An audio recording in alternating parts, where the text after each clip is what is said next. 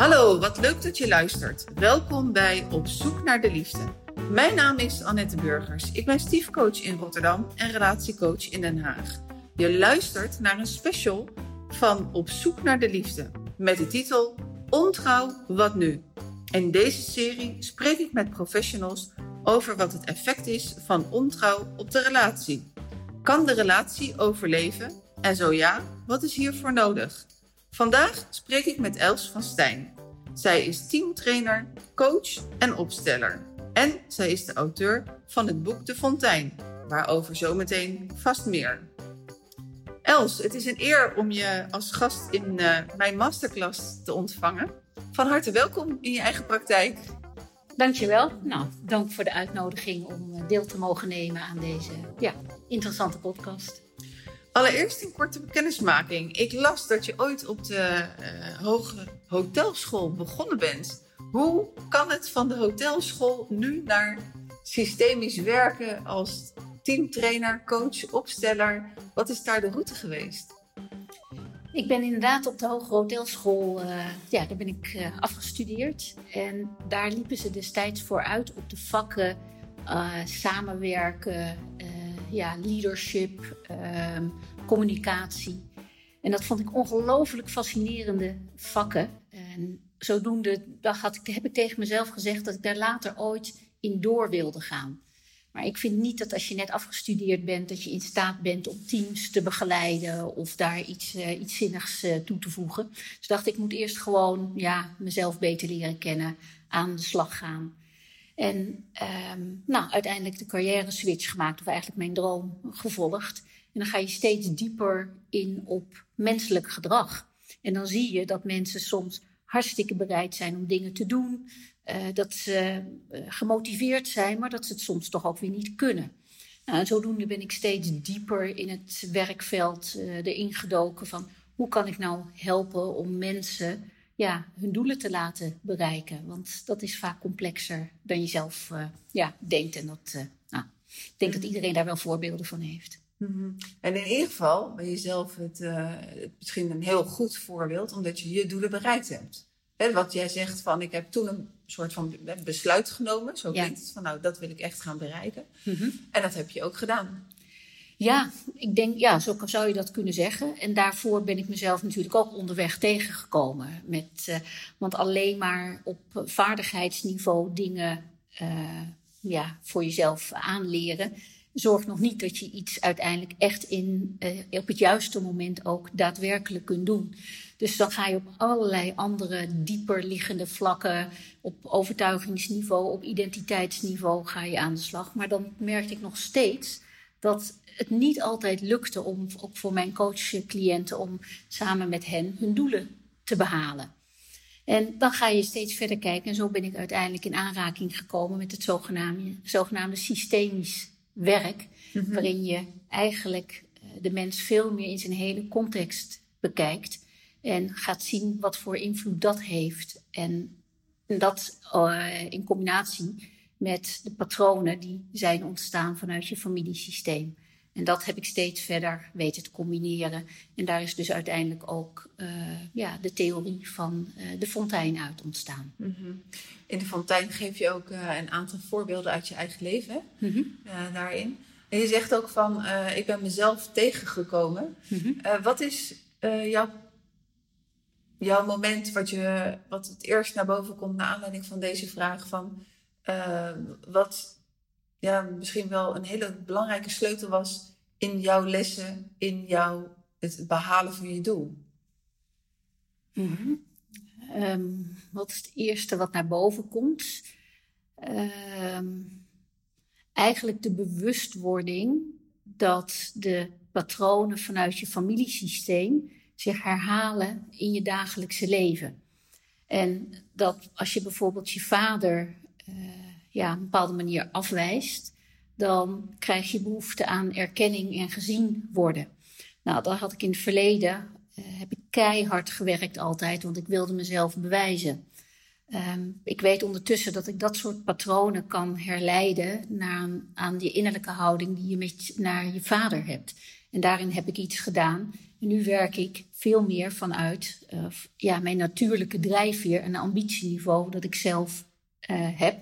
Maar niet van hey, ik doe het voor een ander of kijk mij nou eens eventjes. Mhm. En dus de belangrijkste inzicht was dat er dus heel veel patronen in je leven, zonder dat je het doorhebt, dat je die kan herleiden naar je uh, familiesysteem van herkomst. Mhm. Mooi, dankjewel. De podcast heet Op zoek naar de liefde. Mhm. Els, heb jij de liefde gevonden in je leven? Ja, uiteraard heb ik ook onderweg een paar butsen en builen opgelopen. Maar ik ben ondertussen nu 21 jaar met mijn uh, echtgenoot. En daarin hebben we ja, prachtige momenten gehad. Natuurlijk ook minder, uh, ja, ook moeilijkere momenten. Ook bijvoorbeeld het feit dat we samen geen kinderen konden krijgen. Dat, uh, ja, dat legt natuurlijk een druk op een bepaalde relatie. Um, maar ik kan niet anders zeggen dan dat ik uh, heel, heel blij en heel dankbaar ben uh, hoe goed we het samen hebben en hoeveel plezier we samen hebben. Ook nog steeds na 21 jaar. Mm. Nou, ik denk dat dat een mooi bruggetje is naar, uh, naar wat een gezonde relatie is. Mm -hmm. um, wat is een gezonde relatie? Nou, de definitie ligt uiteindelijk helemaal bij jezelf. Want ieder mens is anders en heeft andere behoeften, verlangens, et cetera. Maar in essentie is een relatie een constante, gelijkwaardige uitwisseling van geven en ontvangen. Dus jij geeft iets aan je partner. Nou, je partner, of dat nou liefde, aandacht, uh, seks, gezelligheid, uh, nou, wat het dan ook is. Een lekker ontbijtje. Kan ook heel belangrijk, inderdaad. En als de ander dat kan ontvangen, dan ja, daar word je sterker van, word je blijer, word je blij van, word je een tevreden mens van. Maar je voelt je ook altijd even een klein beetje schuldig. Zo simpel is het. Als je ontvangt. Nou, dat is een gevoel waar je vaak vanaf wil. Dus dan ga je vervolgens geven. Als die ander dat dan weer aan kan nemen, dan um, is de ander zijn schuldgevoel kwijt. En jij hebt iets gekregen waar je blij van bent, maar nu voel jij je schuldig. Dus dat wil je weer vereffenen. En zo ga je, uiteindelijk krijg je een hele mooie constante vereffening van geven en ontvangen. En dat is, uh, moet in de basis een gelijkwaardige uitwisseling zijn. Om een gezonde, voedende relatie te hebben. En dat betekent niet dat het in dezelfde manier uitgewisseld hoeft te worden. Maar wel op een, ja, een deep down niveau dat je voelt van, goh, dit klopt. We zijn, uh, de uitwisseling is gelijkwaardig. En daar heb je een soort van evenwichtsorgaan voor. Dat je voelt van, ja, maar ik heb nog iets te goed van die ander. Of die ander, die is nog, uh, de, ik ben nog iets schuldig aan die ander. Dus dat voel je. Dus een relatie is in essentie een constante vereffening van geven en ontvangen. Mm -hmm. En dan, dat kan, uh, ja, kijk maar eens naar bijvoorbeeld, uh, uh, als we het hier over relaties hebben. Heb jij een relatie op dit ja. moment? Ja. Dat, van waarom heb je een goede relatie? Dat is eigenlijk altijd omdat je over en weer van elkaar kan ontvangen. Herken je dat als ik dat zeg? Mm. Geven is namelijk ja, heel makkelijk. Wel, zeker wel, ja. Geven is heel makkelijk, is heel veilig. Ik geef aan jou, bijvoorbeeld. Of, uh, en dan uh, sta jij als het ware bij mij in, in de schuld, in de krijt.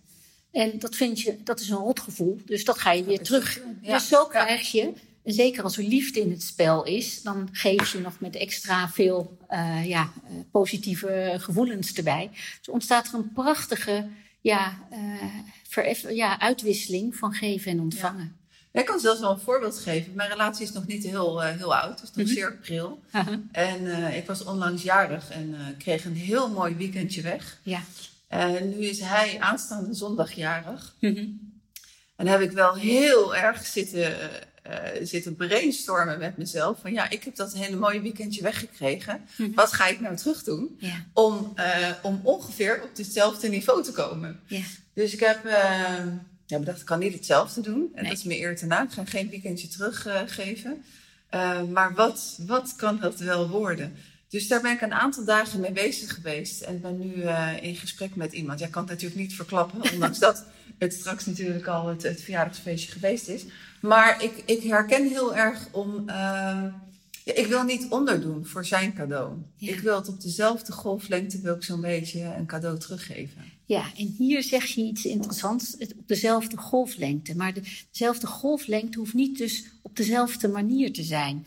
Het kan ook zijn als jij uh, hele oprechte dankbaarheid uh, toont naar aanleiding van dat leuke weekend dat hij jou uh, heeft gegeven.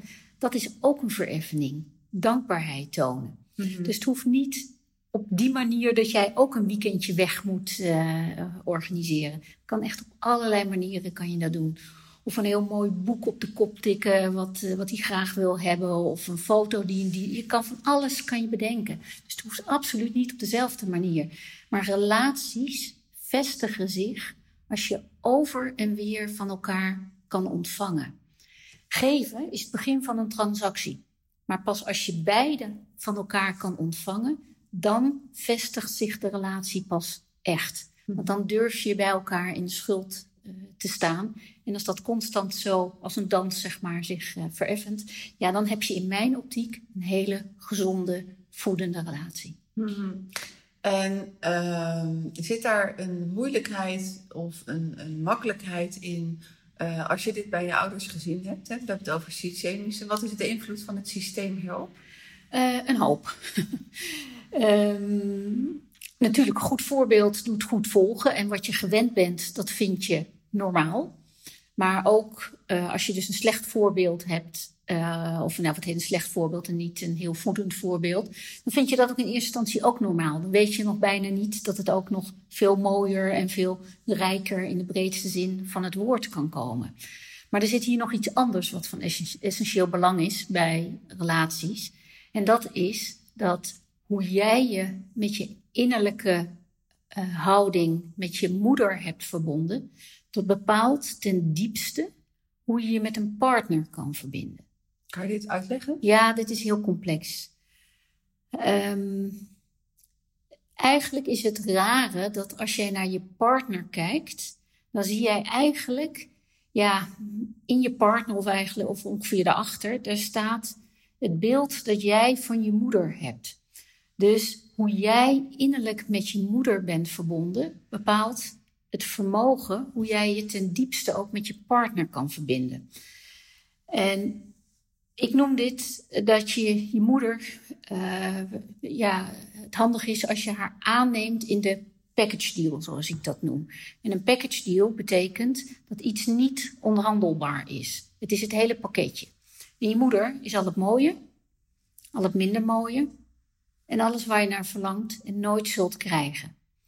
Als zij mag zijn wie zij is, dan, um, ja, zoals ik het noem, dan kan je haar boven je zetten in de fontein. En misschien is het ook even handig dat ik even uitleg wat die metafoor is van de fontein. Dan kom ik zo even terug op dit aspect, hoe dit dan met uh, relaties uh, zit. Helemaal goed. Een Um, je bent veel meer verbonden met je systeem van herkomst, je biologische systeem van herkomst, dan je eigenlijk zelf in kan denken. Daar zitten veel meer onbewuste loyaliteiten dan je je met je hoofd uh, ja, kan indenken. En stel je je biologische familiesysteem voor als een fontein met verschillende bakken met water. Er staan bovenin je voorouders, uh, je opa's en oma's, in de bak daaronder. In de bak daaronder staan je biologische ouders. Jij staat altijd in de kindsbak onder jouw ouders. En jouw kinderen en kleinkinderen staan weer in die respectievelijke bakken daaronder. En je staat in volgorde van geboorte in de kindsbak onder je ouders. Dus inclusief miskramen, geaborteerde kinderen, halfbroers, halfzussen, geen stiefbroers uh, en zussen. Moet een bloedlijn erin zitten. En met je, als je op jouw plek in die fontein gaat staan, dan blijkt het leven je eigenlijk meer toe te lachen. Je kan bijna uittekenen dat iedereen waar het in de basis goed mee gaat, waar, uh, en iedereen heeft wel eens maar als het in de essentie gewoon goed met je gaat gedurende je leven, kan je eigenlijk wel uittekenen dat iemand met de innerlijke houding op zijn of haar plaats in die fontein staat. En net zo goed kan je uittekenen dat iemand die altijd gedoe in relaties heeft, of altijd bewijsdrang heeft. Of groepen heel erg spannend vindt. Of nou, verzin en, uh, iets waar je allemaal last van kan hebben. Die staan meestal niet goed op die eigen plek in de fontein. En als jij dus, want heb jij broers, zussen? Nee. Dus jij hebt uh, plek 1 vermoedelijk Ja. in de kindsbak. Ja. Weet je nog iets van miskramen of iets dergelijks? Nee, dat heeft mijn moeder niet gehad. Oké, nou dan sta je op plek 1. Dus Ja. jij moet op die plek gaan staan om die onzichtbare van, eh, stroming van die fontein op te vangen, die zo nodig is om je goed te voelen. En als jij dan je moeder daarbij boven je in de bak kan zetten, dus haar helemaal kan aannemen in wie ze is, met al het mooie, al het minder mooie en alles waar je zo naar verlangt, maar ze niet kan geven, dan ben jij in staat om je ten diepste met iemand anders te verbinden. En dus heel specifiek met je partner. Dat betekent dat afgezien van een, een gezonde relaties waar we het net over hadden, is dus die constante uitwisseling van geven en ontvangen. Maar daar zit bovenop dan ook nog dat hoe jij je innerlijk hebt verbonden met je moeder. En dat heeft weer gevolgen voor je relatie. Als jij je heel goed met je moeder kan verbinden, dan heb jij ook de behoefte om dat in een partnerrelatie te doen. Maar iemand die om wat voor reden zijn moeder niet boven zich kan zetten in de fontein, omdat er ja, ingewikkelde dingen hebben plaatsgevonden, die heeft meer moeite om zich te verbinden met de ander. En dat uitzicht dan dat iemand zich te veel wil versmelten met de ander, dus die vergeet zichzelf dan helemaal. Of op essentiële momenten uh, laat je de ander, laat je de partner niet toe. Dus je ziet eigenlijk dat langdurige relaties, die, dat zijn eigenlijk mensen die op eenzelfde manier ongeveer hun moeder boven zich zetten of niet in de fontein. Hmm. Als je beide je moeder niet boven je kan zetten in de fontein, kan je een prima relatie hebben. En dan kan je een hele warme en liefdevolle uitwisseling van geven en ontvangen hebben. Maar je ten diepste verbinden met een ander, dat gaat dan moeilijker. En de problemen in relaties ontstaan vaak ook als de ene zich wel goed kan verbinden en de ander niet.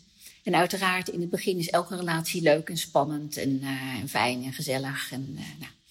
Maar op een gegeven moment gaat deze dynamiek van hoe jij je moeder boven je kan zetten in de fontein, gaat meespelen. Mm -hmm. Ja, dus uh, voor, een gezonde belang, voor een gezonde relatie, waar we het mm -hmm. over hadden, uh, is dit van uh, essentieel belang. Voor een gezonde, langdurige relatie. Juist, ja. Dus ik zeg ook wel eens grappend van de mensen die op aan het daten zijn, van welke vraag moet je dus stellen aan je date? Dus Hoe ga je met je moeder om? Precies, vertel eens iets over je moeder. En als daar gewoon met respect over gesproken wordt, ook al kunnen er best hele ingewikkelde dingen zijn, dan weet je van nou, iemand heeft dan, ja, daar lijkt het dan in ieder geval wel op, zijn moeder aangenomen in de package deal. Nou, dat is dus relatiemateriaal. En als iemand zegt van nou, echt een heel vreemd mens en nou, dat, daar heb ik echt helemaal niets mee. Nou, dan heb je waarschijnlijk eerder plezier voor een paar nachten, maar dat is geen relatiemateriaal. Is dit nog anders voor vrouwen of voor mannen? Kijk, ik nee. kan me zo voorstellen dat mijn vriendinnen, en, uh, uh, als die uh, aan daten zijn en ze komen een man tegen, dan kijk je als vrouw ook wel heel erg van: is het zo'n moederskindje? Klopt, dat is ook niet. je hebt iemand nodig, of in ieder geval de, de meest. nee, je hebt, ieder, moet iedereen voor zichzelf bepalen wat hij wel of niet nodig heeft. Maar je vader boven je zetten is ook verschrikkelijk belangrijk. Want daarmee krijg je, net, krijg je je natuurlijke daadkracht. En dat hebben zowel mannen als vrouwen nodig. Dus over het algemeen worden mensen die hun vader en moeder gewoon aan hebben kunnen nemen in de package deal, die worden ook aantrekkelijk gevonden. En niet zozeer vanuit uh, het esthetisch vlak, hoewel dat er ook uh, best aantrekkelijk soms uit kan zien. Mhm. Maar iemand die zijn moeder en vader gewoon boven zich kan zetten in de package deal in de fontein, die worden over het algemeen ook als, ja, als aantrekkelijke personen gezien, waar het heel fijn is om bij in de buurt te zijn. Want dit soort mensen, die uh, hebben kunnen ontvangen van hun ouders het hele pakket. Ook de minder mooie dingen hebben ze ook mee kunnen dealen. Dus ze zijn eigenlijk niet zo behoeftig. En op het moment dat iemand niet behoeftig is, dan wordt een relatie steeds zuiverder. Want dan, als je niet behoeftig bent, dan uh, ik kan jou daardoor veel beter zien in wie jij bent. Want jij hoeft op dat moment niet iets voor mij op te lossen wat ik zelf aan had moeten kijken in het familiesysteem. Er hoeft niks geheel te worden of de heling wordt niet van de partner verwacht. Juist, ja. En dat maakt ook alweer dat je een gezondere relatie kan hebben. Mhm. Nou, boeiend inderdaad allemaal. En ook wel heel erg herkenbaar. Uh, van gezonde relaties gaan we dan toch over naar, uh, naar ja, ik wil niet zeggen dat het ongezond is, mm -hmm. maar naar het stuk ontrouw. Mm -hmm. Ja, hoe kijk jij daarnaar, naar ontrouw, vreemdgaan, overspel in een relatie als dat gebeurt vanuit het systemische aspect? Ja. Um, vanuit een systemisch aspect kijk ik er op meerdere manieren naar. Ten eerste is het heel simpel. Op het moment dat iemand overspel heeft uh, of pleegt, dan is iemand, uh, dan neemt iemand, letterlijk en figuurlijk. Ja. op dat moment um, gaat de balans van geven en ontvangen wordt, uh, wordt eigenlijk een stukje scheef getrokken. Want eigenlijk neem je te veel. Want uh, tenzij je uiteraard af hebt gesproken dat in de relatie iedereen vrij is om daarin zijn eigen dingen te doen. En dat moet iedereen echt volstrekt zelf weten wat wel of niet goed voor iemand is. Daar heb ik absoluut geen oordeel over. Het is gewoon leven en laten leven. En vanuit een systemisch perspectief, dus als jij, uh, de stel een, een, partner gaat vreemd, en uh, dan neemt hij. Dus de balans van geven en ontvangen gaat scheef. Nou, eigenlijk is de meest simpele manier dat die meer moet gaan geven dan weer in de relatie. Om het weer goed te maken. Daarmee kan een relatie weer uh, ja, hersteld worden. En de vraag is of het altijd opgebiecht moet worden. En ieder mag daar zijn eigen ja, ethische waarde in hebben. Um, maar wat je vaak ook ziet, is dat dan de partner zegt: Ik vergeef je. Dus dan heeft hij bijvoorbeeld uh, braaf opgebiecht van: Ik ben uh, vreemd gegaan, zegt hij dan. En dan zegt de partner, nou, ik vergeef je. Dit is systemisch extreem belastend.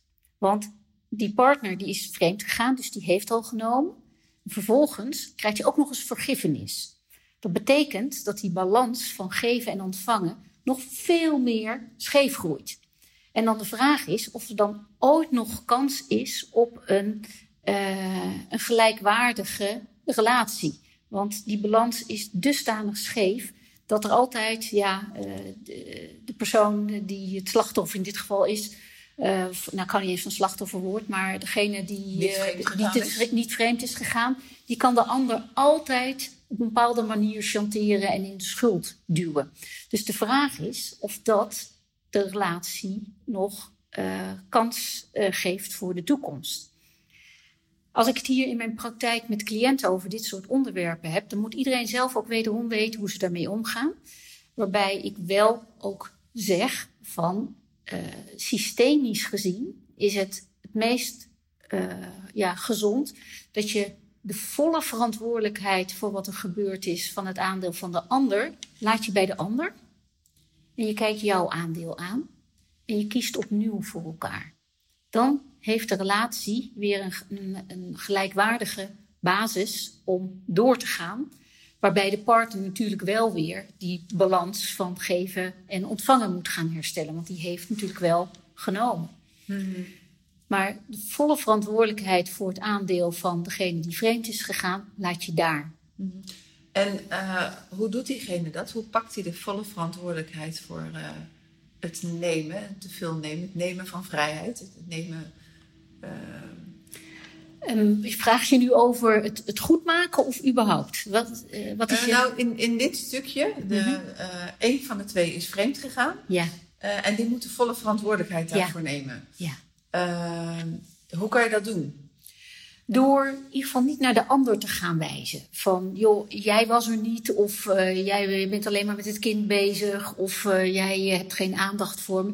Nee, je eigen verantwoordelijkheid pakken, dat uh, dat je zelf uh, keuzes hebt gemaakt en daar consequenties voor gaat dragen. En dat, dat je partner dan een tijd boos op je is, ja, dat heb je dan zonder klagen, heb je dat, te, heb je dat te verduren, inderdaad. En dat bedoel ik met je verantwoordelijkheid. Dus jouw aandeel, daar moet je gewoon voor op je blagen gaan zitten en dat aankijken en daarin het doen wat gepast is en wat juist is. Mm -hmm. En uh, betekent dat ook dat er een soort van storting uh, op, de, op de balans gedaan moet worden? Natuurlijk. Als iemand vreemd is gegaan en uh, je ziet dat de partner eronder lijdt en maar wel bereid is om ja, te onderzoeken of er nog een toekomst samen is. Ja, dan is het natuurlijk wel zinvol dat de ander ja, iets gaat geven waar die ander ook een behoefte aan heeft. Zodat uh, ja, dat die balans weer een stuk gelijkwaardiger wordt. Want anders wordt het een scheve uh, relatie. En de vraag is of daar iedereen uiteindelijk gelukkig van wordt. Hmm. Nee, ik, uh, ik hoor dan ook wel eens in mijn praktijk, uh, en je leest natuurlijk ook wel eens wat, dat stel dat een man vreemd gegaan is en dat dat einde relatie betekent, mm -hmm. omdat hij kiest voor de ander, mm -hmm. dan komen ze in een scheiding terecht dat de vrouw die achtergebleven is, dan ook extreem iets verwacht op de financiële rekening. Mm-hmm. uh, alsof het een storting is om uh, te betalen voor het vreemdgaan en het verlaten van die relatie. Ja, en de vraag is in hoeverre dat reëel is. Ik, um, iemand moet ook bij zichzelf te raden gaan van heb ik misschien niet te veel tekorten gehad in mijn leven of in, vanuit het familiesysteem, die ik stiekem aan het verhalen ben bij mijn partner. Want als je zelf namelijk niet goed in die fontein staat, je bent op bepaalde manieren, heb je voor je ouders gezorgd of je hebt een oordeel over je ouders of uh, nou ja, je kan ze in ieder geval niet boven je zetten in de fontein, dan ben jij behoeftig, dan heb je bepaalde tekorten gehad. En die ga je in eerste instantie altijd claimen bij je partner, maar ook zeker bij je kinderen. En op dat moment moet je echt afvragen of jouw claim wel reëel is. Of die wel echt volledig uh, ten laste, uh, of je die ten laste kan leggen van je partner. Misschien moet je zelf nog wel bepaalde dingen uitzoeken. Dat je zelf zo boos bent op je moeder, waardoor uh, je misschien ook geen goede relatie met je partner daardoor. Of dat, dat maakt het ook alweer ingewikkelder. De vraag is dus altijd hoe reëel het is om alles dan bij die vreemdgaande partner te leggen. Ja, in, um, wat, wat ik dan merk is dat uh, zo'n achtergebleven, ja, ja, nu in dit geval is het even dan een vrouw, maar dat kan ja, net absoluut, ja, zeker, ja. Uh, ja. Die, die kunnen zo boos, zo gefrustreerd, zo uh, mm -hmm. verdrietig zijn. Uh, dat die wel heel snel met een vinger wijzen naar die partner. En dat ze nou niet snel in staat zijn om naar zichzelf te kijken en naar, naar vroeger, naar, naar het systeem. Hoe krijg jij mensen zover? De, de kunst hierbij is dat ze moeten gaan onderscheiden welke emoties goed voor ze zijn en welke niet. En je ziet vaak in dit soort situaties dat de emoties te groot zijn voor het gebeuren. En natuurlijk, dit is geen uh, makkelijke situatie. Begrijp me goed, als je partner bij je weggaat en je inruilt voor iemand anders. Mm. Maar het verschil zit hem in, je hebt zogenaamde primaire boosheid en je hebt secundaire boosheid. Een primaire emotie, die is verbonden aan een gebeurtenis of een wond. En die maak je schoon van binnen als je die echt kan voelen. En dit soort emoties, die zijn altijd kort. 10 seconden tot 2 minuten. Als die nog veel langer duren, dan is het een secundaire emotie die iets afdekt. Dus dan dekt de boosheid in de secundaire uitingsvorm, die dekt de primaire emotie van de afwijzing, de machteloosheid, de, het, verdriet, die dekt die af. En secundaire emoties, die kunnen uren, avonden, weken, maanden, jaren uh, aanhouden zonder dat er een heling plaatsvindt. Want een primaire emotie, die maakt je schoon van binnen. Terwijl een secundaire emotie, die dekt alleen maar die primaire emotie af. Waardoor die uh, eigenlijk de, de heelt niks. En dan ben je alleen maar boos en, en, op die ander. En dan kan je dus niet naar bij jezelf uh, het verwerkingsproces ingaan. Dus ik, als ik met dat soort cliënten aan de slag ga, eh, ga ik uiteraard, ga ik ja, eigenlijk al een heel vroeg stadium ga ik met ze aan de slag van ja, maar wat is nou een primaire en een secundaire emotie? En wat is nou van jou en wat is nou van de ander? En waar heb je wel en geen invloed op? Mm-hmm. Dus op die manier probeer ik dat te onderscheiden. Ja, er zijn natuurlijk veel dingen waar je geen invloed op hebt in, in zo'n situatie, maar überhaupt. In het, uh... Is ook zo, maar dat, dat hoort ook bij het leven. Dat je soms machteloos bent. Dat er iets voor je besloten wordt waar je, uh, waar je geen invloed op hebt ja, dan kan je alleen maar uh, het verwerken en dat doe je zelf. Mm -hmm. de vinger gaan wijzen, je gelijk overal gaan halen en, en je vrienden laten zeggen van joh, dat heb je toch niet verdiend. Dat duwt je alleen maar in een slachtofferrol. Schiet je helemaal niets mee op. De heling zit juist in, in de verwerking bij jezelf. Zowel op het rationele niveau, maar ook op het emotionele niveau, op dat primair uh, emotieniveau. En uh, hoe kijk jij naar vreemdgangers? Uh, mensen die het, nou, noem vreemdgangers, mensen die meer dan één keer vreemd zijn gegaan, waarvan ze weten, waarvan de vreemdganger zelf ook weet dat een van de ouders mm -hmm. dat ook gedaan heeft. Wat is daar? Heb eigenlijk twee vragen van wat zit er in de genen en wat is het, het systemische hierin en wat is het verschil? Ja, dat is heel complex en daar zit ook heus wel iets van een grijs gebied in wat niet helemaal te duiden is. Maar een, um, een kind is loyaal toch aan zijn ouders. Vaak veel meer dat je het door hebt. En soms is er een uh, een vader bijvoorbeeld die allemaal vreemd, die vreemd is gegaan. En dan wordt er in de familie met schande over die vader gesproken. Dus eigenlijk wordt zo'n vader op dat moment buitengesloten. Van hij mag er eigenlijk niet meer bij horen omdat hij ja, vreemd is gegaan. Een familiesysteem vanuit het zogenaamde familiegeweten, wat waakt over die fontein, maar wat je niet voelt, die accepteert het niet dat iets of iemand wordt buitengesloten. Dus een vader die wordt buitengesloten, die vreemd gaat, dan uh, wordt het familiegeweten geactiveerd. En die gaat iemand die later komt in deze familie, meestal een kind uh, in de bak uh, van de fontein daaronder, die raakt onbewust geïdentificeerd met die vader. En dan volg je het patroon, ik volg jou en het zal mij niet beter gaan dan jou. Dus dan heb je een verstrikking of een onbewuste identificatie. En dan heb je zelf niet eens helemaal door, maar je volgt onbewust dat patroon van die vader. Dus op dat moment, als die vader de hele tijd vreemd is gegaan, dan word jij meegenomen in dat patroon. En dat is een dominant patroon, dat je eigenlijk alleen maar uh, echt goed met familieopstellingen vaak kan doorbreken. Dat je dan pas echt ander gedrag kan laten vertonen. Maar het gaat er uiteindelijk om dat uh, op zo'n moment ben je, dan volg je dat patroon. Dan hoop ik dat je een goede systemische coach hebt die daar dat kan doorbreken, als je dat echt zou willen doorbreken. Maar het kan ook zijn, een ander patroon wat je ook in het systemische veld ziet, is dat wat je afwijst bij je ouders, installeer je onbewust bij jezelf vanuit onbewuste loyaliteit omdat je diep van binnen weet dat je ouders niet kan afwijzen. Dus hoe harder je roept, ik wil vooral niet zo worden zoals hij. Dat is eigenlijk de grootste kans dat je exact zo wordt. En ik heb regelmatig hier mensen in mijn praktijk die zeiden van... Ja, het is, het is mij nu ook overkomen. Ik lijk wel op mijn moeder die ook altijd vreemd ging of iets dergelijks. En juist dat wat je afwijst, dat installeer je onbewust bij jezelf. Want ouders zijn die package deal. En als je uh, dat stukje wat je dan niet accepteert, dat ga je dus vanuit onbewuste loyaliteit bij jezelf uh, installeren. Dus op die manier kan er ook nog weer iets ontstaan.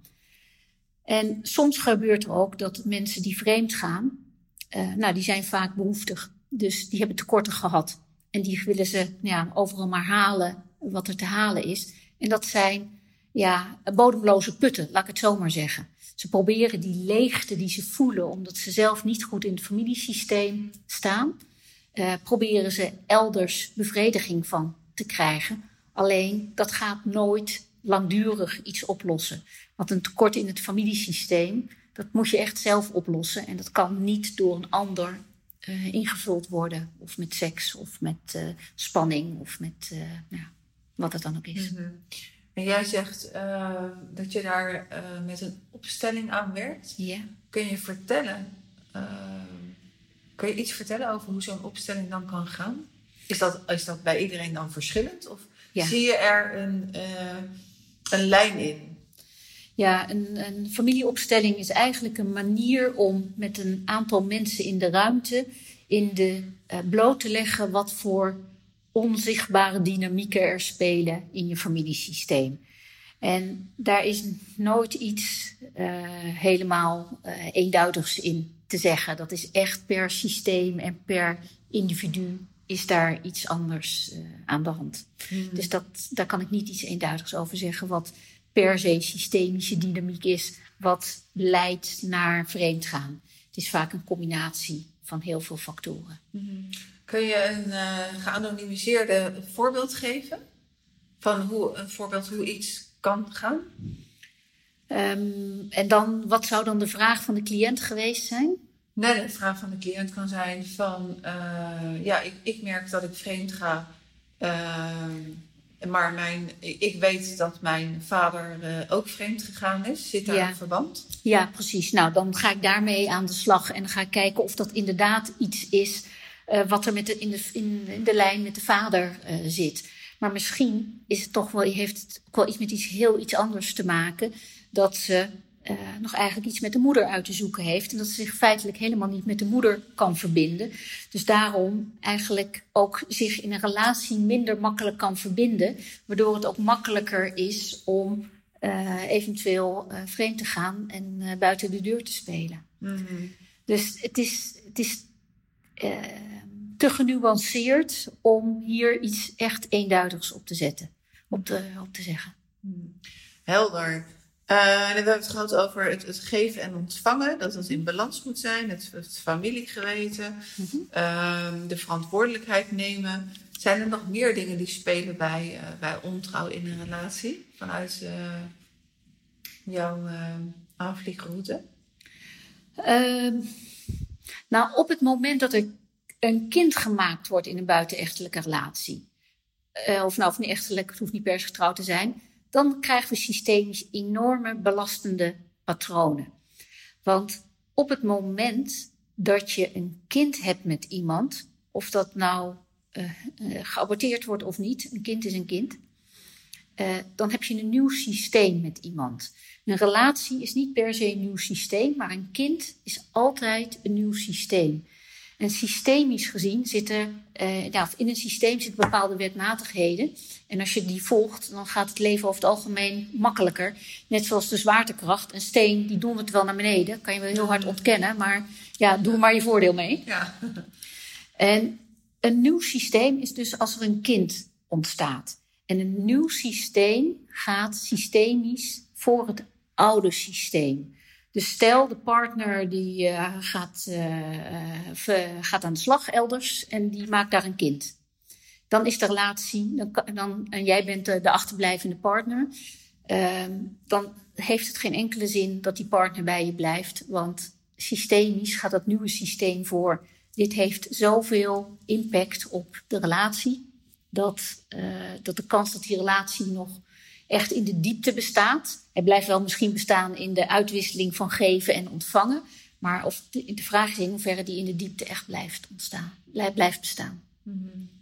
Dus een kind, die heeft altijd systemische impact.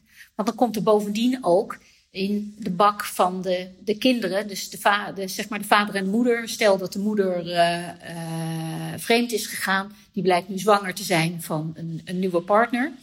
En dan is het systemisch uh, een, logische stap als zij de relatie met de, ex, met de, de ex-partner beëindigt en de relatie met uh, de, de vader van het nieuwe kind. Maar stel dat er al kinderen uit het eerste uit de, uit de vorige relatie zijn, dan komt er ook in die bak komt er een kind bij. En soms wordt het, mag ook niet, eh, leeft het kind ook niet, wordt het geaborteerd. Maar zelfs dan komt er ook een kind, een kind bij in de kindsbak daaronder. Bij de broers en zussen. En dat heeft ook altijd weer systemische impact. Dus zodoende kan ja, een one-night stand waar een abortus uit voortkomt. Uh, nou, uiteraard, daar ga je geen relatie dan mee mee. Maar met, ook met dat geaborteerde kind, dat komt dus in de bak van uh, jouw kinderen, uh, onder, in de bak onder jou te staan. En zeker als daar al andere kinderen in zitten, die niet eens weten dat daar een geaborteerd kind zit, dan krijgen we ook weer mogelijk de kans dat daar zo'n onbewuste identificatie van een broertje of zusje met eventueel een geaborteerd kind komt.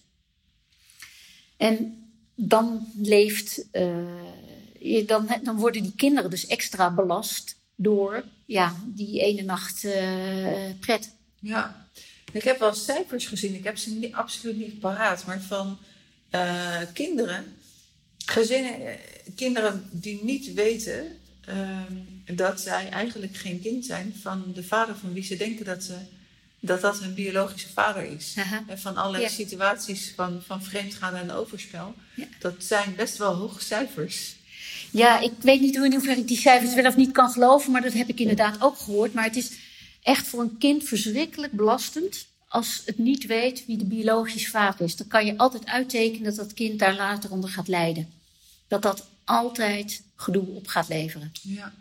Want een kind is altijd 50% de biologische vader 50% de biologische moeder. En als de biologische vader af wordt gewezen door, door de moeder, wordt het kind vaak extra onbewust trouw aan die, onzich, ja, aan die onbekende biologische vader. En die gaat vaak ook dat soort patronen volgen. En het kind voelt zich ook niet compleet als die uh, niet zichzelf mag zijn. En, want dat is ook 50% de biologische vader en 50% de biologische moeder. Ja, ingewikkeld. Ja, heel ingewikkeld. Heel ingewikkeld. Ja, zeker. Nu we het toch over kinderen hebben. Um, wat, uh, wat mij nou aan het hart gaat, is dat um, we vinden allemaal dat we in Nederland een soort van eerste wereldland leven. Mm -hmm. uh, maar als we kijken naar scheidingen, uh, onder andere naar aanleiding van vreemdgaan, want van de gescheiden mensen daar gaan, uh, dat, dat is een scheiding ontstaat vanuit een derde door, door vreemdgaan dan weer. Okay. Mm -hmm. En de scheidingen die ontstaan en dan de problemen tussen vader en moeder en hoe ze dat uitvechten over, uh, over het kind heen. En waardoor zelfs ouderverstoting kan ontstaan. En um, ja, wat, wat doet dat uiteindelijk met een kind als er uh, op die manier iets uitgevochten wordt? Een vechtscheiding is rampzalig voor een kind. Want het kind die is onbewust trouw aan beide ouders.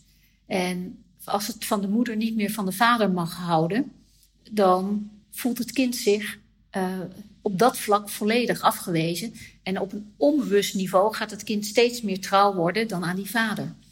En gaat die patronen dan ook weer volgen. Dus die kinderen komen volledig in een loyaliteitsconflict. En het mooiste wat je kan bereiken bij een scheiding is dat je als ouders afspreekt dat het kind altijd vrij is om naar de ander te gaan. En dat het kind evenveel van papa als van mama mag houden. En dat zouden beide ouders ook tegen dat kind moeten zeggen. Je mag evenveel van mama houden als van mij. En je mag evenveel van papa houden als nou, van uh, andersom. Mm -hmm. Dan voelt een kind zich niet meer belast. En een, een, scheiding is ook complex genoeg voor die kinderen. Maar op dat moment worden ze niet in hun zijnswaarde aangetast. Want als de vader bijvoorbeeld alleen maar slecht praat over de moeder, dan wordt uh, eh, 50% van het kind mag er dus eigenlijk niet zijn voor de vader. En diep van binnen levert dat allemaal kramp op bij het kind. Mm -hmm. ja. ja, en een grote kramp, zelfs zoveel kramp, dat een kind uiteindelijk beslist: ik wil uh, mijn vader of mijn moeder, maar het komt meestal voor met vaders. Mm -hmm. Ik wil mijn vader niet meer zien. Ja, en de vraag is hoe ver dat is. Want zorgt het kind dan niet voor de moeder? En dat is ook niet eerlijk, want op het moment dat het kind voor, dat moeder eigenlijk niet kan handelen dat het kind dus ook van de vader houdt, wordt het kind uitgenodigd om in de fontein voor de moeder te zorgen. Dan staat het kind, komt dus boven de moeder te staan en vangt dus niet meer de stroming van die fontein op, want dat moet je doen op jouw plek in de fontein. En daarmee gaat het kind kan dus zijn moeder niet goed boven zich zetten in een fontein. Want het kind is er zelf al boven komen te staan. Daarmee kan het kind eigenlijk al zich niet ten diepste verbinden met een ander. Vervolgens wordt dan ook nog eens de vader afgewezen, want dat mag niet van de moeder. Dus dan krijgt het kind ook nog eens bewijsdrang. En onbewust gaat het kind trouw worden aan de vader uh, in, in die patronen. Ja, hoe belastend kan, je het maken voor een kind? Dus een kind moet nooit meegetrokken worden in die dynamiek die tussen de ouders speelt. Die moet als het ware uit de bak van de ouders ja, gegooid eh, worden van bemoei je er niet mee. Dit is van papa en mij. Jij bent ons kind. Wij lossen dit op als volwassenen. En wij zorgen voor jou. Jij zorgt niet voor ons. Maar daar zijn heel veel mensen niet toe in staat. En de reden waarom ze daar vaak niet toe in staat zijn, is in mijn optiek toch heel vaak omdat ze zelf niet goed in de fontein staan vanuit hun uh, familiegeschiedenis. zij hebben allerlei uh, tekorten gehad in hun familiesysteem, waardoor zij niet goed staan op de plek. Ja, daar, uh, kinderen gaan alles dragen voor de ouders. Zo simpel is het. En zo krijgen we generatie op generatie worden patronen doorgegeven. Want dat kind dat al dan voor beide ouders zorgt, omdat die al zo in scheiding liggen en dan maar niet maar de eigen sores gaat vertellen. Want ja, papa en mama zijn al druk zat. Ga me niet vertellen dat ik gepest word op school. Die zorgt dus al eigenlijk voor de ouders. Dus die komt daar weer boven te staan. Boven de ouders te staan in de fontein. Nou, uiteindelijk krijgt dit kind misschien ook wel weer kinderen. Die voelt al, die baby's, die voelen al direct weer of een ouder behoeftig is of niet. En die gaan dan alweer op een bepaalde manier voor de ouder zorgen. Dat lukt toch nooit, want je kan niet dragen wat niet van jou is. Dus dan krijgt een kind een oordeel. Een andere manier om weer boven de ouders komen te staan. Zo kan zoiets generaties op generaties doorgaan, totdat iemand in staat is om zelf op de eigen plek in die fontein te gaan staan. En bij de ouders te laten uh, wat van de ouders is. En zelf aan te kijken wat van jezelf is. En niet alleen op rationeel niveau, maar ook op emotioneel niveau. En dan gaat die fontein weer stromen. Hmm. En dan maakt het niet uit wat de ouders wel of niet hebben gedaan. Of je ze ziet of niet. Dat kan je gelukkig allemaal doen met je eigen innerlijke houding. Hmm. Els, een hele rare vraag. Hmm. Uh, er komen verkiezingen aan en uh, nou ja, degene die het volgende kabinet uh, gaat maken, de regering gaat samenstellen. Die zegt: Els van Stijn, het is zo mooi. Ik heb je boeken gelezen. Uh, hier moeten we wat mee. Jij wordt minister van, van Onderwijs. Wat zou je veranderen in het onderwijs om kennis over te dragen? Oh, dat is een complexe vraag. nou, de eerste stap voordat ik zou besluiten om wat ik in het onderwijs zou doen, is een andere systemische wetmatigheid en dat is altijd eer iedereen die plaats heeft gemaakt, waardoor er ruimte voor jou is ontstaan. Dus eer of respecteer iedereen die plaats heeft gemaakt, waardoor de ruimte voor jou is gekomen. Dus stel dat ik de minister van Onderwijs word, als ik mijn voorganger niet respecteer, eer, dan zeg ik eigenlijk: ik gun jou je plek niet. Je bent niet goed genoeg geweest. Uh, je hebt er alleen maar een zootje van gemaakt. Dan kom ik erboven te staan grote kans dat ik dan onbewust uh, dat slechte pad of dat pad van het uh, mezelf niet goed laten gaan ook op een bepaalde manier ga volgen. Mm. En ditzelfde geldt ook in relaties. Dus ook als een partner weg is gegaan, of zeg maar, je hebt nu een relatie en die heeft meestal ook nog wel voorgangers, uh, al eerdere relaties gehad. Als je die niet erkent in hun plek, dan is jouw relatie sowieso ook al kansloos. Mm. Ik heb toevallig tegen mijn huidige vriend gezegd van een groot dankjewel aan alle vrouwen die op jouw pad zijn geweest. Heel goed. Daarmee... zijn nu de beste versies. Uh... Juist, en, want zij horen er allemaal bij. Jij hebt een bepaald uh, nou, opvolging van nummer, ben jij uh, qua plekbepaling. maar die anderen, die behouden hun plek. En als jij niet de voorgangers kan respecteren dat dat hun plek is geweest, dan is de relatie al, al gedoemd. Ja, dan zit grote kans, dan zit er een enorm smet op. Maar dit was even een klein uitstapje. Even terug naar je vraag. Naar, uh, wat zou ik in het onderwijs? Um, ik denk dat ik de kinderen, ik zou een bepaalde les willen organiseren. Denk ik. Of een soort van, nou, een soort maatschappijleer, maar een, systemische leer, laat ik het zo maar zeggen. Waarin eigenlijk uitgelegd gaat worden dat ieder zijn eigen plek heeft. En dat niemand uh, jou van je plek kan duwen. Je kan er altijd met je eigen innerlijke plek gaan staan. Maar dat je ook de ander de plek moet gunnen. Ook al maakt de ander er een potje van. Ook al gaat, uh, ja, uh, gaat die vreemd of je ouders hebben rare dingen gedaan. Die plekken die blijven van hen. En, hen. en dus ik zou ook heel erg willen leren dat eh, dat iemand zelf op zijn plek kan blijven staan en de ander ook de plek gunt. En daarmee, en zeker als je dan je ouders ook goed boven je kan zetten, ben je in staat, zeker als je je moeder goed boven je kan zetten, om liefdevolle relaties aan te gaan. Als je je vader goed boven je kan zetten, dan krijg je je natuurlijke ambitieniveau en ook het vermogen om je uh, op een gezonde manier te begrenzen. Uh, en daarmee krijgen, kan, heb je ook de ruimte om anderen ook hun plek te gunnen. Dan hoef je ook niet zo hard te vechten omdat je het gevoel hebt: ik ben zoveel tekort gekomen, waardoor je anderen van hun plek duwt. Of, dus ik zou iets in het onderwijs willen implementeren dat ze snappen dat ieder zijn eigen plek heeft en dat je innerlijke houding naar je ouders heel, heel, heel veel bepaalt voor je toekomstige levenskwaliteit. Hmm. Mooi. Ja. Ik denk ook wel dat ze dan, om iedereen iets mee te geven, uh, moet er ergens op een bepaalde lijn iets gebeuren. En in het onderwijs is natuurlijk wel een kans. Zeker weten, want daar komen alle kinderen uh, komen langs. Precies, die komen allemaal langs. En ook als kinderen zouden ook mogen leren dat als.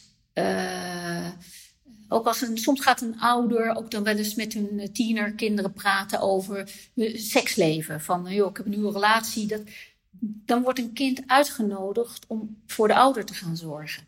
Dus een kind moet dan ook leren van lieve papa of mama, dit is niet van mij, dit is bij jou. Dit moet je met je vriendinnen bespreken, maar niet met mij. Ik ben alleen maar je kind.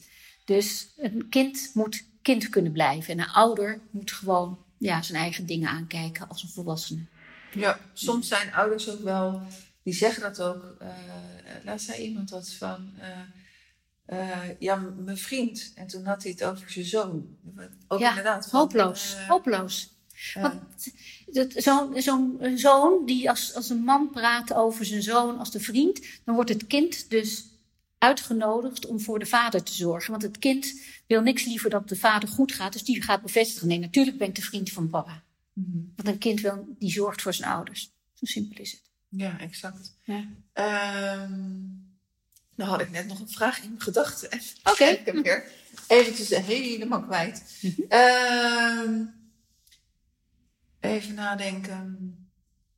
Je had het over het onderwijs en wat daar zouden mee willen. Ja, ik weet het alweer. Uh, wat nou?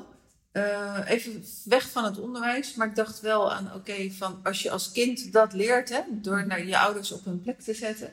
Maar hoe is het andersom van ouders als je ziet dat je kind van het padje afgaat? En wat noem jij van het pad afgaan? Uh, nee, er, er, er zijn kinderen op dit moment die ontzettend veel drinken, uh, ontzettend veel blowen. Er zijn nogal wat prikkels in de samenleving mm -hmm. uh, die wat anders zijn voor ouders. Mm -hmm. Omdat ouders die prikkels allemaal nog niet mee hebben gekregen toen ze zelf kind waren. dus al die prikkels van, van drugs en van het criminele pad, mm -hmm. uh, stelen of, of wat dan ook. Waarvan je, waarvan je denkt van, ja, dit is, dit, dit, dit is niet vanuit mijn normen en waarden dat ik hier blij mee kan zijn. Het is niet het leven wat je je kind gunt. Mm -hmm. Het is niet de gezondheid die je kind gunt. Uh, hoe zit dat dan van ouder naar kind? Kun je daar nog iets over zeggen? Mm, het is natuurlijk hele complexe materie om daar in, uh, in zijn algemeenheid iets over te zeggen. Maar ik ben er wel van overtuigd dat een flink aantal labels die kinderen soms opgeplakt krijgen als ADHD of dat soort labels, dat die minder van toepassing zouden zijn of nodig zouden zijn als ouders meer in staat zouden zijn om hun eigen thema's aan te kijken. Dus dat de ouders goed op hun eigen plek staan. Mm-hmm. Want dan is het kind veel vrijer om een eigen leven te leiden. En tekorten die ontstaan doordat je niet goed in de fontein staat, omdat je een oordeel hebt over je ouders of iets uh, voor ze moet zorgen, die worden vaak gecompenseerd met drugs, met verkeerde vrienden. Want ook hoe beter jij dus weer hebt verbonden met je moeder, hoe beter je je weer ook met andere mensen kan verbinden. Dus het is ook over het algemeen dan wel dat je ook de vriendenclub dan ook over het algemeen iets ja, gezonder uh, geaard en uh, verankerd is in, uh, in de maatschappij. Dus je begint al door zelf goed met je eigen thema's aan, te gang, aan de gang te gaan en kinderen ontsporen soms. Dan is het de kunst ook om ehm, ja, daarin je verantwoordelijkheid te nemen en, en te kijken wat je daar, daarin kan doen. En ja, wat kunnen kinderen daar wat kan je dan doen? Het is zo algemeen dat ik hem lastig vind om hem uh, te beantwoorden. Um, ik denk dat kinderen, die worden meer meegesleurd in, in groepsgedrag dat slecht voor hen is, als ze minder in staat zijn om bij zichzelf te blijven. En als jij geleerd hebt om goed met emoties om te gaan, dan bewoon jij je lichaam beter. Dan kan je dus ook moeilijke situaties ook beter verwerken. Dan hoef je het minder op andere manieren uh, te, te compenseren. En je kan daarmee dus ook, word je minder meegetrokken in gedrag van anderen, dat misschien helemaal niet goed is. En uiteraard, een kind die moet ook in de puberteit ook zichzelf wat leren kennen en wat grenzen opzoeken en zich soms ook maar eens even een, uh, iets stoms uithalen. Maar dan wel de verantwoordelijkheid dragen om dat ook allemaal weer netjes op te lossen. En niet als alle curlingouders die alles voor ze weg, uh, uh, ja, het pad helemaal schoonvegen en dat het kind helemaal niet op de blaren hoeft te zitten. Ehm, maar belangrijk is, en dan kom ik eigenlijk wederom weer naar die lessen, misschien ook wel ooit op school. Dat het kind mag leren om bij zichzelf te blijven. In plaats van meteen meegesleurd te worden van: Goh, zullen we daar eens iets gaan stelen? Of zullen we daar eens een, uh, of zullen we eens een uh, lijntje gaan nemen? Als, dat, als je daar zo'n behoefte aan hebt, ja, dan, dan zit er iets niet goed uh, bij jou, zoals jij op jouw plek in het familiesysteem staat. Mm -hmm. En daarmee aan de slag gaan, dat zou ja, in mijn optiek de eerste stap zijn. Hmm. Helder, dankjewel. Uh, Els, we gaan inmiddels een beetje naar het einde van, uh, van het interview, mm-hmm. van deze podcast. Um, welke vraag heb ik je nog niet gesteld? En zou je in dit stuk over relaties, gezonde relatie, ontrouw, uh, wat het doet met kinderen, zou je toch nog antwoord op willen geven? Um... Misschien in het kader van relaties en relaties die soms ook uh, nou, eindigen, om wat voor reden dan ook. Dat het heel belangrijk is dat je het stukje hart uh, dat je aan de ander van jezelf hebt gegeven, dat je dat mee terugneemt. Soms heb ik hier wel eens in de praktijk mensen die zeggen van nou, de relatie is voorbij en dat, is, dat klopt ook helemaal. Dat uh, het past toch niet, klopt qua waardeniveau niet bij elkaar. Maar toch blijf ik naar die man of die vrouw verlangen. En dan blijkt vaak dat je een stukje van jezelf aan die persoon hebt gegeven. Dus eigenlijk een stukje hart van jezelf heb je als het ware aan die ander gegeven. Dus je mist, je hebt als het ware een gat in je hart. En dat hmm. stukje heeft die ander onbewust. Maar dat stukje is van jou. En je verlangt dus eigenlijk weer naar eenwording met jezelf. Dus je hebt dat stukje hart innerlijk terug te halen. En die ex-partner, die mag wel alle vruchten van het hart, mag die uh, houden. Dus je hebt als het ware, je hele appelboom heb je aan die ander gegeven. Nou, die appels, die mag die uiteraard en alle vruchten mag die houden. Daar heeft hij ook gewoon recht op. Of dat heb je met liefde gegeven, mag je ook gewoon rustig daar laten. Alleen die appelboom, die is voor jou. Dat is dat stukje hart. En dat moet terug. Hoe Wil je dat? Ja, dat kan ik aan de hand van meditaties. Eh, doe ik dat met mensen. Soms ook in opstellingen. Uh, om op die manier jezelf weer ja, compleet te, te maken. maken en weer heel te maken. Want anders blijf je toch op een ongezonde manier naar die ander verlangen. Ja. En dat vergeten we vaak. Uh, dan denk je toch van, ja, ik weet met mijn hoofd, die relatie werkte niet, het was een mooie tijd.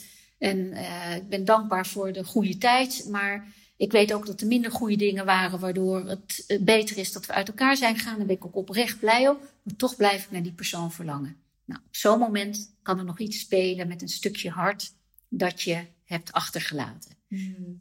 Ja, of, of waar misschien ook dat, dat je een paar keer terug bent geweest naar zo, hè, zo, Ja. zo'n eh, knipperlichtrelatie. Ja, en verder ook ehm, wat ik in mijn eerste boek, eh, De Fontein Vind je plek, beschrijf. Dat je ook op eh, systemisch verantwoorde manier de relatie moet beëindigen.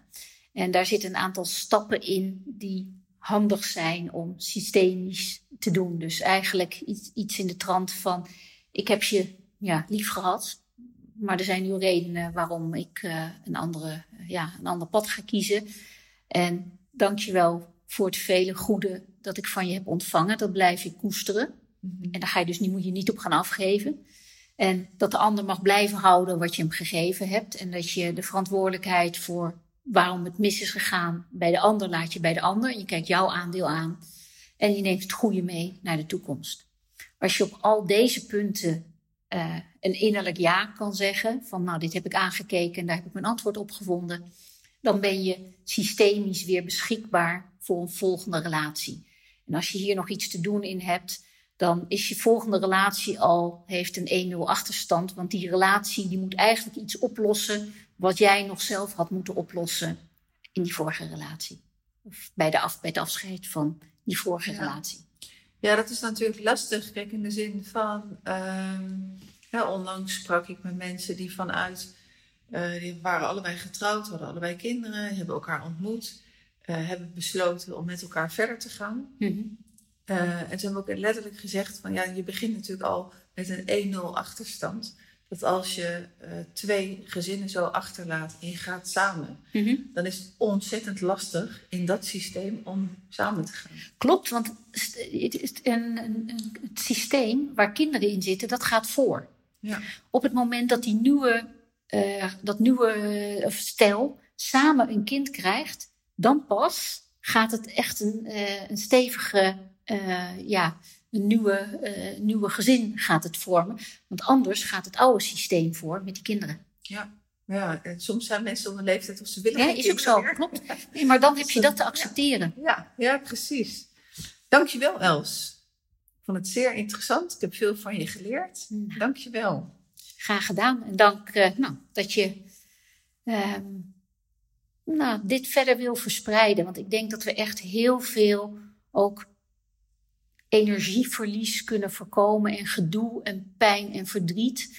Als mensen meer bewust worden van de systemische impact van relaties, van vreemdgaan, van het effect op kinderen en hoe dat zit. Dan denk ik dat de wereld eh, ja, alleen maar soepeler kan lopen. Dankjewel.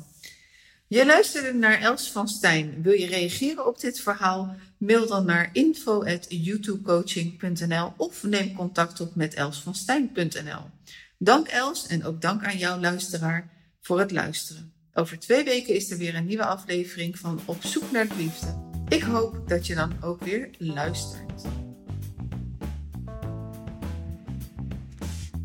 Els, wat zijn de titels van jouw twee boeken?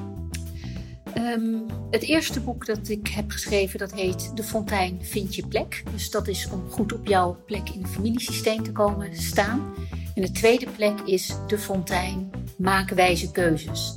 En dan zet ik het de fontein in een breder perspectief. En daar komt ook een heel hoofdstuk over relaties aan, de, aan bod. Hoe dat nog systemisch eh, verder zit. In plek 1 en plek 2 in relaties. En dan ga ik dat soort dingen dieper in. Super interessant. Ik ga hem zeker aanschaffen. Dankjewel.